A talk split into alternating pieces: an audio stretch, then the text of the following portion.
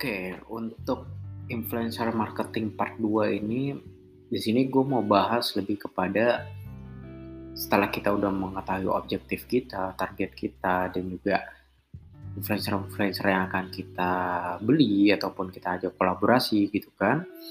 Jadi uh, sebenarnya ada macam-macam approach sih untuk kita berkolaborasi dengan influencer ini kayak gitu kan. Mungkin uh, eh, gue akan bagi beberapa tipe kolaborasi kali ya. Jadi yang pertama itu adalah tipe kolaborasi yang lebih kepada kita win-win solution seperti itu. Instead of kita beli scope of work yang ke mereka, habis keluar mereka seperti itu kan Nah, di sini kita coba mempelajari bahwa win-win solution. Win-win solution itu lebih kepada seperti ini. Terkadang brand kita tuh mempunyai exposure juga yang sebenarnya bisa membantu influencer itu untuk mendapatkan influencer lebih, eh mendapatkan exposure lebih pun dari brand itu sendiri ataupun bisa menaikkan kelas dari influencer itu sendiri gitu kan. Jadi kita mesti pintar-pintar apakah influencer kita pilih itu benar-benar menyukai brand kita dan juga uh, influencer kita pilih itu pun bukan yang tipikalnya money oriented banget ya, tapi lebih kepada yang benar-benar the real content creator yang mempunyai objektif yang sama yaitu mereka tuh juga ingin menjadi rising star juga kayak gitu. Jadi tipe yang pertama itu lebih kepada ya kita mesti benar-benar selektif sih apakah influencer ini mempunyai visi dan misi yang sama dengan kita kah kayak gitu. Nah biasanya kalau ini kan orang yang menggunakan tipe pertama ini winning solution ini good pointnya adalah bisa jadi si brand itu tidak mengeluarkan duit apa-apa kayak gitu. Ya udah jatuhnya lebih kepada uh, kolaborasi strategik antara si influencer A dan juga brandnya yang mempunyai visi misi, mempunyai goal yang sama kayak gitu. Misalnya brandnya goalnya A, KL-nya goalnya B, akhirnya dapat titik temu, ya akhirnya itu menjadi strategic partnership seperti itu.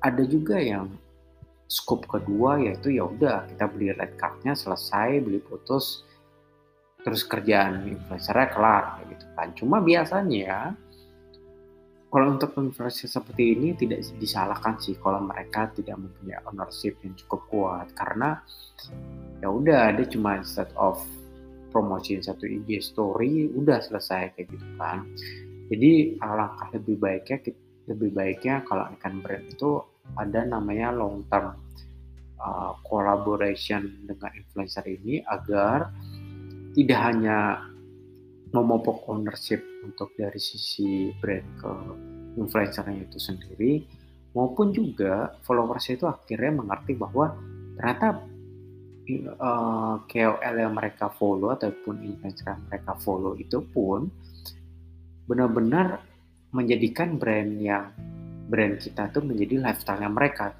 gitu kan ya akhirnya itu bisa memupuk rasa credibility rasa percaya antar followers ke influencer akhirnya followersnya itu buying produk tersebut. Nah, adapun e, caranya biasanya dari satu ataupun dua tipe buying e, kita memilih influencer ataupun kita kolaborasi dengan influencer ini ada juga partner-partner misalnya. Ataupun yang pertama kita bisa aja langsung dari brand langsung ke influencer itu sendiri untuk mengajak kolaborasi ada juga uh, poin kedua adalah atau kita uh, berkolaborasi dengan partner, misalnya ada manajemen. Yang biasanya uh, mereka tuh udah mempunyai list influencer yang cukup banyak, mempunyai good relation pun juga it's masing-masing influencer yang kita pilih, ya akhirnya untuk lebih pada mempermudah uh, kolaborasi kita dengan influencer itu sendiri gitu dan enaknya adalah kita nggak usah uh, capek-capek untuk kontakin satu-satu maupun membuat uh, eh, TOP ataupun uh, term sheet masing-masing influencer itu sendiri karena semua paperwork untuk uh, bekerja sama tuh diurusin oleh partner seperti itu. Walaupun negatifnya itu adalah jeleknya itu adalah ada kemungkinan influencer itu akan melakukan markup di setiap postingan ataupun scope yang kita beli di influencer itu yang pertama yang kedua adalah jeleknya uh, kita sebagai brand owner itu kurang uh, mendapatkan uh, eng, ataupun uh, relation yang cukup kuat ikatan batin yang cukup kuat dengan influencer itu sendiri gitu. Nah, yang ketiga yang biasanya ini lebih yang lumayan marak yaitu adalah uh, melakukan buying menggunakan aplikasi ataupun uh, sistem kayak gitu. Udah banyak banget kalau manajemen yang akhirnya membuat sistem untuk otomatisasi setiap pembelian influencer. Contohnya ada banyak dari uh, Animine ataupun juga dari beberapa influencer kayak Lemon segala macam ataupun juga dari Famous ID, All Star.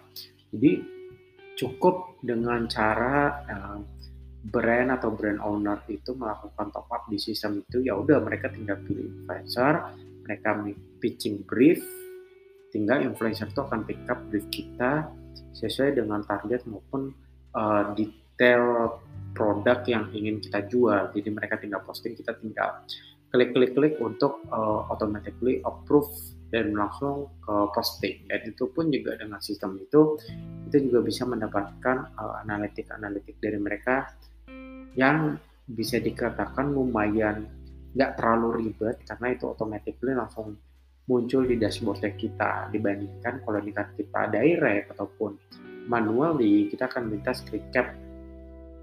Data-data influencer itu cukup manual ya. Akhirnya lumayan cukup ribet sih kalau misalnya jumlahnya cukup banyak gitu untuk episode part 2 ini cukup sekian. Nanti akan detail influencer marketing di part 3 akan kita lanjut ke episode berikutnya. Bye-bye.